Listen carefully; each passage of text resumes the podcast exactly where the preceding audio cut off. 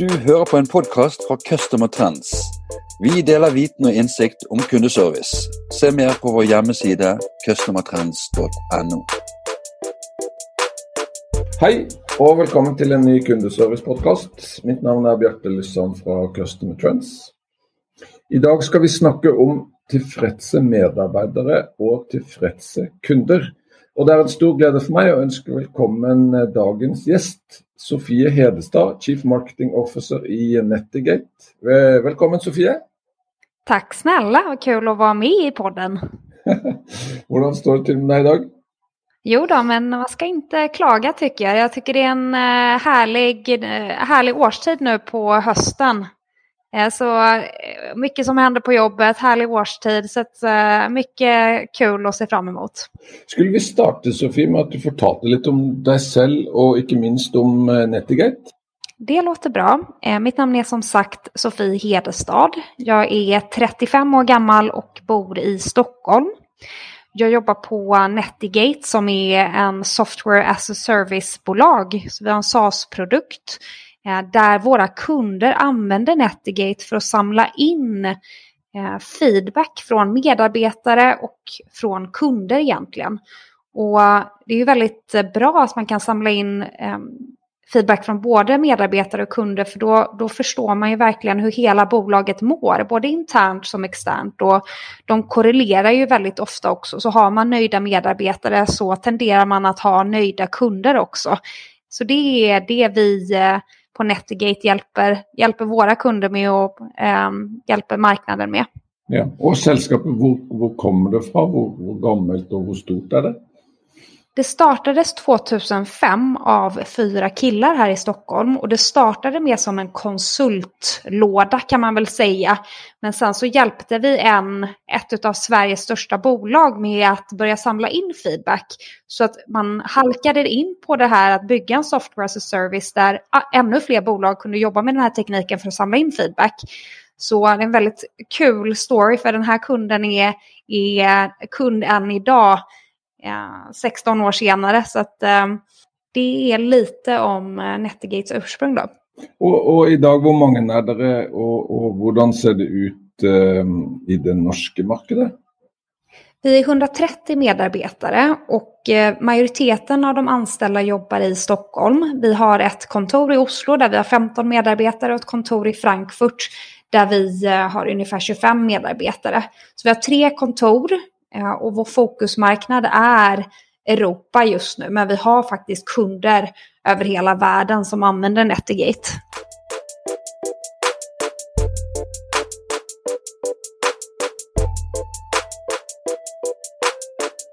Sofia, vi, vi, eh, när vi förberedde denna eh, episoden, så, så laget jeg noen spørsmål. Eh, det första spørsmålet jag vill ställa dig, det är vad är god kundeservice? Mm, det är en väldigt eh, bra fråga tycker jag. Och jag tänker ju på kundservice när jag själv använder massa produkter. Eh, antingen fungerar de väldigt, väldigt bra redan och så förstår man, för det är så, så bra användarvänlighet i produkten så att man förstår den. Men ibland så kommer det ju alltid vara att man behöver få tag på ett företag och få just kundservice. Och då tänker jag ju att tillgänglighet är väldigt viktigt. Och eh, där behöver man ju som företag kommunicera tydligt sin tillgänglighet. Kan man besvara frågor dygnet runt eller är det mellan 9 till 17? Ringer man in? Chattar man in? Fyller man i ett formulär eller mejlar man? Hur kommer man som kund som bäst kontakt med dig? Och där tycker jag, liksom, när man kollar på må många olika supportsidor, att Ehm, ställer man sig i telefonkö på, på många företag så kan man ju få vänta hur länge som helst. Och det är inte så bra kundservice. Men de, eh, till exempel banker och sådär, de har ju så här, vill du att bli, bli uppringd när det är din tur? Det är ju väldigt bra kundservice, för man måste också förstå att ett företag inte har 100% kapacitet alltid att besvara en miljon olika spörsmål. Eh, så att man får ha lite förståelse som kund också. Men det är ju väldigt viktigt att man som bolag ser över sin kapacitet och sin tillgänglighet och i vilka kanaler man kan satsa på och vilka man inte kan satsa på. Vissa företag eh, säger att man kan kontakta dem på sociala medier men där märker man ju jättefort att tillgängligheten och att de svarar mycket långsamt där. Så då väljer man kanske att gå till telefonen ändå. Så jag tänker ju att tillgänglighet och tydlighet är väldigt viktigt att tänka på som företag. I, i, eh, i det svenska marknaden som måtte, lytterne inte känner så gott, kunde du peka på någon exempel eller någon verksamhet eller bolag, som, som, som i din mening pekar sig ut till att, till att leverera väldigt god kundservice? Ja, det finns ju några olika företag som verkligen är bra på, på det här. Jag skulle säga att eh, bankerna är ganska bra på kundservice och då tänker jag kanske framförallt på SE-banken. Sen tänker jag på ICA som är alltså dagligvaruhandel där man handlar sina matvaror. De är ju otroligt professionella. Om man går in på deras hemsida så är det väldigt lätt att förstå hur man kommer i kontakt. Och det är ju B2C-företag. Sen finns det ju många B2B-företag som är väldigt duktiga också. Jag tror um, personalization är väldigt viktigt också. Att man um, är personlig med sina kunder. Sen får man ju tänka efter hur man kan göra det automatiserat och skalbart. Men man känner ju genast som kund om det är ett mejlutskick som har gått ut som har gått ut till 2000 andra också. Så verkligen hitta en balans där med personalisering och att eh, vara unik med varje kund.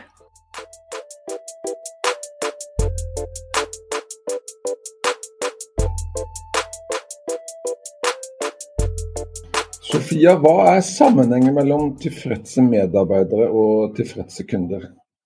Nej, men det finns ett samband och det är ju forskning som visar det också att det finns ett tydligt samband mellan nöjda medarbetare och att det driver kundnöjdheten också. Och det gäller speciellt de medarbetarna som har direktkontakt med kunder, till exempel om man sitter på en supportavdelning, om man jobbar med sälj, om man är account manager. Då interagerar man ju direkt med kunden och då är det ju väldigt viktigt att man är motiverad och står bakom företaget. För annars kommer inte det lysa igenom till kunden. Och um, det finns företag, till exempel har vi en kund som heter ERP, eller förlåt, Monitor ERP System. Och de mäter Employee Net Promoter Score parallellt med Net Promoter Score. Och EMPS, då, som det förkortas, det är då medarbetarna hur um, how likely are they to uh, uh, promote deras egna företag till andra och MPS är ju exakt samma fråga men till kund. Och lägger man dem bredvid varandra så ser man ju väldigt tydligt att eh, de följer varandra. Och det här har jag sett på många kunder att Eh, ju högre EMPS, ju högre NPS. Och man kan lägga dem år efter år efter varandra och man kommer se att de korrelerar. Men jag lurte på om det, det, det också gjaldt i den andra alltså kallade riktningen. Så om den ENPS-en er lav for et eh, team eller en organisation, vill också NPS-en vara lav då? Precis, det är där man kan se att det korrelerar. Så här, nöjda medarbetare eller missnöjda medarbetare, det påverkar kund-NPSen väldigt tydligt. Så det är väldigt viktigt att man eh, som ledare skapar ett välfungerande team för att det ska sprida sig till kunden. Men hur säkrar man goda och effektiva kundrelationer då? Jag skulle säga att det handlar om att skapa upplevelser för kunden. Så som kund så, är man inte, så har man inte en transaktion med ett företag utan det är ju en åt, återkommande upplevelse man har. Så om jag går till ICA eller handlar på ICA online då har ju jag en upplevelse med ICA som företag. Eller om jag har SEB som eh, bank, då har jag återkommande upplevelser med dem. Så det handlar ju som företag att skapa extraordinära upplevelser genom hela kundresan, varje, jag säger transaktion, men varje interaktion med sin kund, att man ser till att den blir så positiv som det bara går. För att det är den sammanvägda upplevelsen som kommer avgöra om man är en nöjd kund eller inte.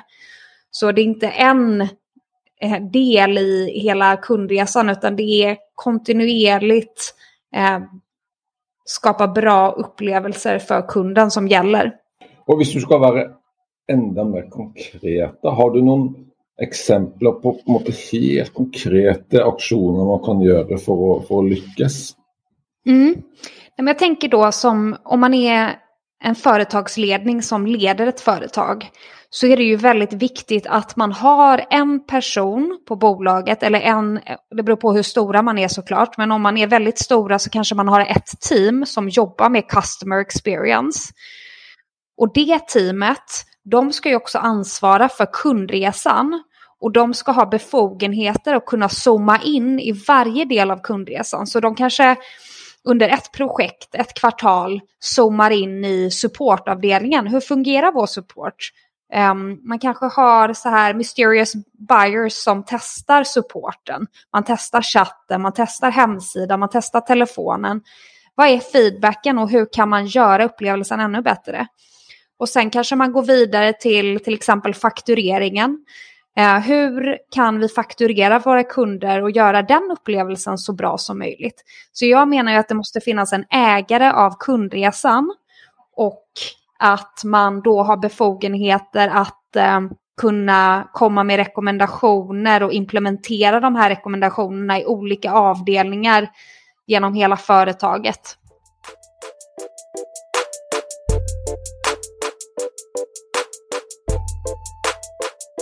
Vad är dina bästa tips till alla som önskar måla kundtillfredsheten på en god måte? Men det är ju precis det här det vi på Netigate jobbar med egentligen. Och de som använder Netigate på allra bästa sätt, de samlar in feedback från kunderna genom hela kundresan. Så det kan vara till att man har bokat första säljmötet och ber om Eh, till exempel feedback inför säljmötet. Vad har du för förväntningar? Vilka problem vill du lösa? Säg att man genomför ett säljmöte då och att någon blir kund. Då handlar, handlar det om att onboarda en kund. Hur, eh, hur eh, fungerar det för kunden? Är kunden nöjd med hur de kom igång med produkten som de köpte av er? Behöver de någon, någon typ av onboarding eller behöver de någon extra konsultation så man fångar upp det i början av kundresan att en kund behöver mer stöttning. Sen så tänker jag de här transaktionsmätningarna som jag pratade om innan, att man är ju faktiskt i kontakt med ett företag många gånger under sin kundresa.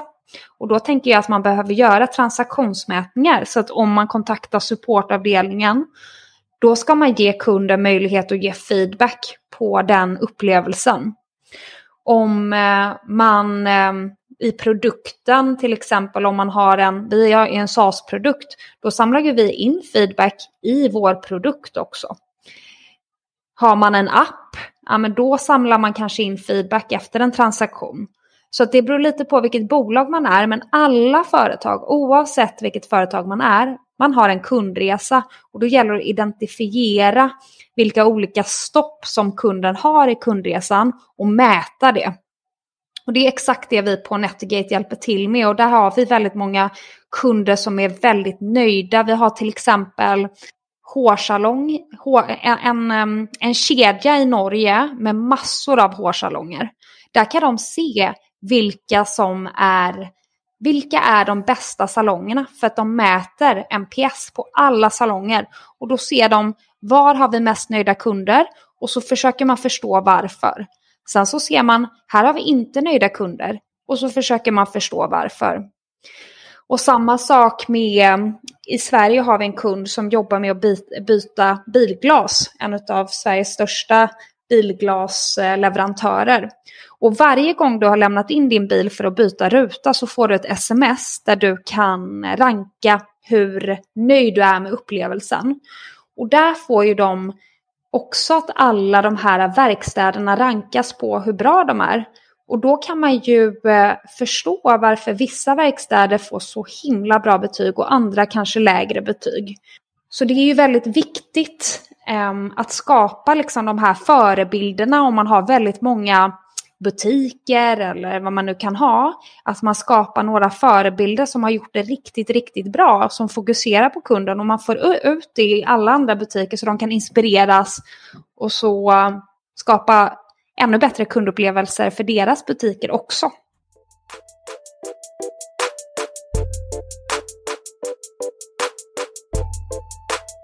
Sofie, jag vill gärna ha din, din eh, feedback på detta med, eller dina tankar på detta med omfånget av eh, service och, och, och kundundersökelser. Eh, som, som privatkunde så mottar jag väldigt många eh, olika eh, spørreundersøkelser. Och jag ser väl som totalt sett att jag, jag svarar kanske på en liten andel, och jag svarar om jag är väldigt förnöjd eller väldigt lite förnöjd. Vad, vad tänker du om alltså volym och hur gör man detta på en god måte? Ja, men det är en väldigt bra fråga kring just svarsfrekvens och hur man kan få deltagande när man ber om feedback. Tror eh, fler och fler företag kommer monitorera och mäta indirekt feedback, alltså vad, vad gör de på din hemsida? Man mäter eh, vilka sidor är intressanta och så vidare. Det kan man ju mäta i bakgrunden och inte be om direkt feedback. Och man kan mäta review sites online och så vidare. Men om man ber om direkt feedback då när man till exempel skickar en enkät eller skickar ett sms så håller jag med dig, det handlar mer om kvalitet än kvantitet. Och där måste man ju som företag eh, fundera ut vilka frågor är verkligen viktiga för oss att få, tag, eh, få svar på. För att där tror jag företag många gånger kanske ställer 20 frågor istället för tre frågor. Och egentligen är det bara tre kanske man behöver mäta över tid. Så att man verkligen eh, är kärnfull och kortar ner så man gör även den upplevelsen bra för kunden. Och där är ju NPS ganska bra tycker jag, för man ger en rating och sen får, har man möjlighet att ge en kommentar. Och den går ju också att benchmarka internationellt i olika industrier och så vidare. Så jag tror företag måste jobba med att liksom banta ner antalet frågor. Men sen kan man också jobba med segmentering så att man verkligen skickar frågor till de personerna som har gjort en transaktion med företaget eller en interaktion med företaget och de är mer benägna att svara just där och då. För skickar man massa, till massa e-mailadresser och massa sms utan att man haft en dialog med kunden i närtid, då skulle jag också känna att det kanske inte känns helt relevant att, att ge feedback i det läget. Så man behöver ju eh, tänka på kvalitet snarare än kvantitet skulle jag säga där. Ja. Men kunde du dela vad du menar är en förnuftig responsrate på Altså Si at man har tenkt godt gjennom hva spørsmålene skal være. Man stiller få spørsmål, gjennomtenkte spørsmål. Hva 20% 30 hva, hva tenker du är en god feedback rate? Ja, men där beror det också på vilken typ av undersökning man gör. Jag skulle säga att um, skickar man ut i samband med en transaktion så är det mycket, mycket högre svarsfrekvens än om man skickar en årlig uh, kundundersökning. Um, men där behöver man ju AB-testa. Så här, vilken tid på dygnet, vilken dag i veckan. Um, ska jag använda så personalized e-mail eller ska jag lägga det i en designad mall? Och där kan man ju se att um, så personligt som möjligt. Tänk dig om det skulle gå ut ett e-mail från vår vd och liksom önska dig en, en härlig höst och jag skulle jättegärna uppskatta om du svarar på några frågor till mig istället för att det går ut från till exempel Netigate generiskt. Så att det kan vi se i alla fall som jobbar på marknadsavdelningen att har man ett personalized e-mail som går ut från en person med en väldigt trevlig ton, inte för långt och man ber inte om för mycket, då ökar svarsfrekvensen. Sen är det svårt att säga exakt open rate och click-through rate och sådär, för det är så otroligt olika beroende på vilket företag, vad de har för relation med sina kunder eh, och hur man utformar det och så vidare.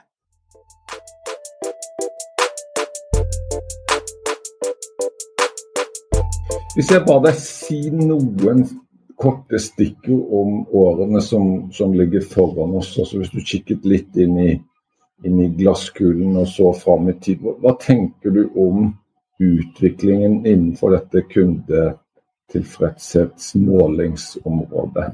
Jag tror att man behöver ha en 360 graders vy av kunden.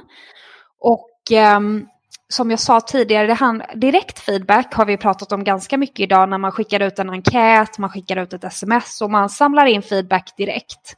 Men sen pratade vi lite om indirekt feedback också, att man kan mäta vad kunderna uppskattar på hemsidan eller i sin produkt så man verkligen förstår vad är det kunden vill ha. Och så försöker man personalisera den upplevelsen så att den kunden får ännu mer av den, vad den vill ha och så att dens upplevelse blir ännu bättre. Så jag tror det handlar om att skapa oförglömliga upplevelser för sina kunder för att de ska vara nöjda. Och det handlar inte om en transaktion utan det handlar om kundresan och att skapa upplevelser genom hela kundresan. Service är ingen tjänst utan service är en upplevelse. Där kan man ju tänka på sig själv om man går på restaurang.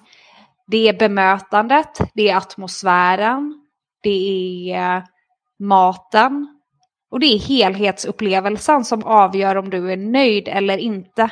Det är inte bara en del. Till exempel produkten skulle kanske vara maträtten då om, om någonting inte är tillräckligt vällagat. Ja, men då skulle man bli irriterad. Men det skulle om man däremot bemötandet och atmosfären hade varit fantastisk, då lyfter ju det fortfarande upplevelsen. Så jag tror att företag kan ta lite inspiration från ett restaurangbesök och tänka holistiskt på kundupplevelsen och verkligen se till att den är en fantastisk upplevelse för kunden. Då har vi kommit till eh, ände. Sofia, tusen tack för att du ville vara med i podcasten och dela av din erfarenhet. Tack snälla, det var väldigt kul att vara med Bjarte. Ha en eh, fin dag. Ja, jag önskar dig detsamma. Ha en jättefin dag. Du har hört en podcast från Customer Trends. Vi hoppas du har låtit dig inspirera och lärt något nytt. Finn ut mer om hur vi i Customer Trends kan hjälpa dig på customertrends.no.